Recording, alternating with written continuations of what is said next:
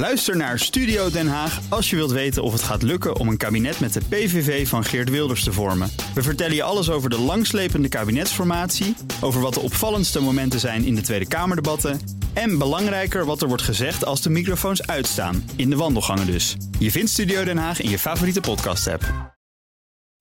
Tech Update. Stijn Goosens, goedemorgen. Goedemorgen. Google verliest van Sonos en moet daartoe 32,5 miljoen dollar betalen. Gaat het over? Ja, dat gaat over een zaak rond een patentinbreuk. Maar eigenlijk speelt er al langere tijd een, een ruzie tussen de beide bedrijven. Uh, met patentzaken over en weer. Uh, die ruzie is mogelijk ook de reden dat je op dit moment geen Google Assistent kan gebruiken op de nieuwe Sonos speakers. Uh, en de zaak die Google nu verloren heeft, gaat over multiroom audio. Sonos beschuldigde Google drie jaar geleden van het kopiëren van haar patenten op de synchronisatietechnologie die het mogelijk maakt om meerdere speakers tegelijkertijd hetzelfde geluid te laten afspelen. Nou, dat klinkt tegenwoordig als uh, uh, heel simpel, maar er zitten natuurlijk patenten aan verbonden. En die zaak is nu door de jury in het voordeel van Sonos bepaald. Maar er waren uh, nog vijf andere patenten die volgens Sonos ook geschonden waren. Alleen die zijn dus afgewezen door de jury. Dus het bedrag had nog veel hoger kunnen zijn. Ja. Sonos won vorig jaar al een andere zaak, waardoor Google een import, importverbod kreeg in de VS voor bepaalde producten waar ook zo'n Sonos patent geschonden was. En Google moest daardoor ook echt functies schrappen uit haar apparaten om die te mogen verkopen in de VS. Uh, verder heeft uh, Google vorig jaar ook teruggeslagen naar Sonos met een andere aanklacht op een patentinbreuk. En dat gaat dan weer om die spraakbesturing, uh, die spraakbediening.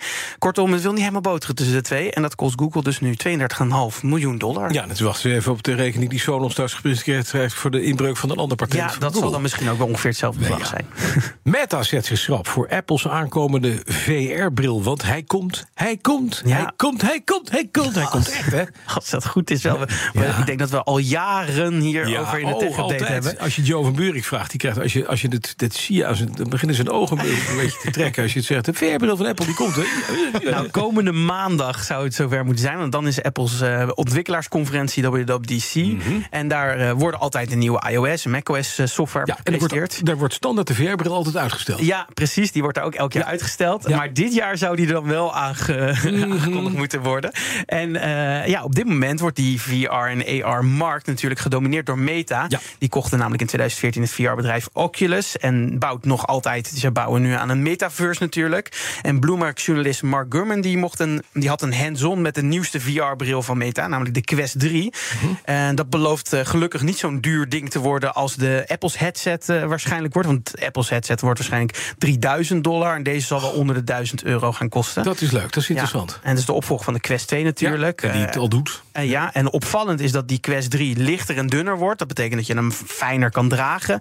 Uh, en dat hij dus meer sensoren krijgt, waaronder kleurencamera's. En dat betekent dat je dus uh, het, de buitenwereld naar, in je VR-bril kan zien. Dus een pass-through video heet dat. En dan wordt zo'n VR-bril ineens zo'n AR-bril. En dat is dus dat is Apple ook van plan met, haar, met zijn bril, haar bril, zijn bril. Um, nou, die Quest 3 die komt ergens dit jaar beschikbaar. Maar het is nog maar even afwachten hoe die markt gaat veranderen als Apple zo meteen een duik neemt. Ja, je weet het niet. Nee. Dan Nvidia nog, duikt nog dieper in de AR-markt. Ja, want vandaag start de jaarlijkse computerbeurs Computex in Taiwan. En gisteren opende het chipbedrijf Nvidia de beurs met een eigen productpresentatie. En die ging vooral over AI. Want AI is inmiddels een beetje hun paradepaardje geworden. Aangezien hun computerhardware hard nodig is om AI goed te laten draaien. ChatGPT ja. had niet bestaan zonder Nvidia's hardware.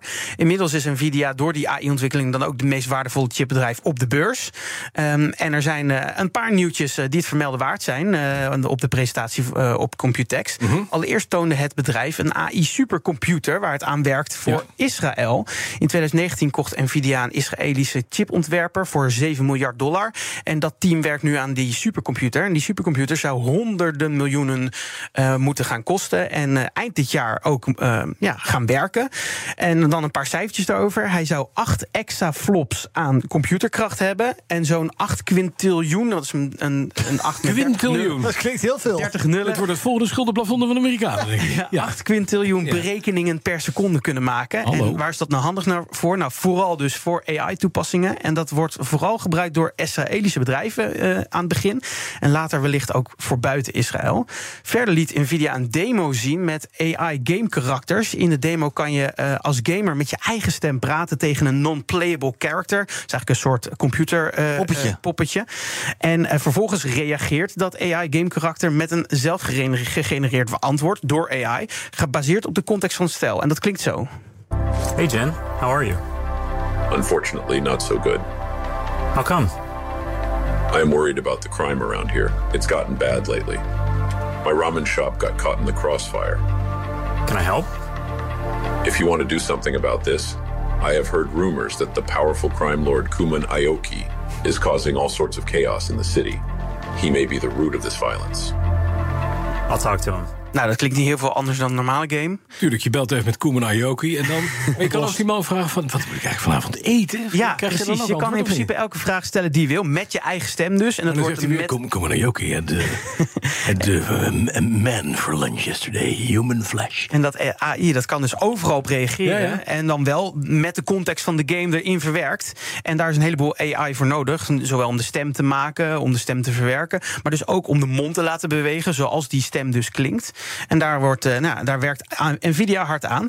En eh, uiteindelijk eh, ja, zouden open, open world games hiermee een soort metaverse kunnen worden. Nou, de komende jaren wordt deze AI dus ook echt al verwerkt in, in de games. Ja, nou, het is, ik ben heel benieuwd wat dit geworden is. Ja, dat wordt ineens eh, interessante Het klinkt nu nog een beetje lullig. hè. Het is net als met die, met die VR-bril die je nog in zwart-wit hebt, straks in kleur. Het wordt allemaal steeds beter en steeds. We zitten nog een beetje in de We opstartfase. zitten nog, we zitten. We kijken over tien jaar als een gouden grijze baas. Kom ik graag bij ben een helemaal oude grijze baas. Stijn, jij iets nog helemaal niet grijs. Maar dan zullen we zeggen van, ah, weet je nog, dat we toen bezig waren Ja, met ja. AI. En dat we nu gewoon- En een stemmetje dat we dat bandje lieten horen. En nu kan je gewoon praten. Je beste vriend is een AI. Dan kan jij gewoon voor eeuwig eh, de ochtendshow blijven ik voor presenteren. eeuwig een beste vriend hebben. Dat ook. Ah. Die dan wel AI is. Dat je dan over 150 jaar nog de ochtendspits weet. Ja, dat zou ik wel mooi vinden. Met Als een, behoud, als een non-playable character. met behoud van salaris. We gaan morgen- Zullen we morgen weer doen? Ja, 6 uur? Het behoud van salaris? Zonder AI? Zonder AI? Komen we als nest weer Ja? uit.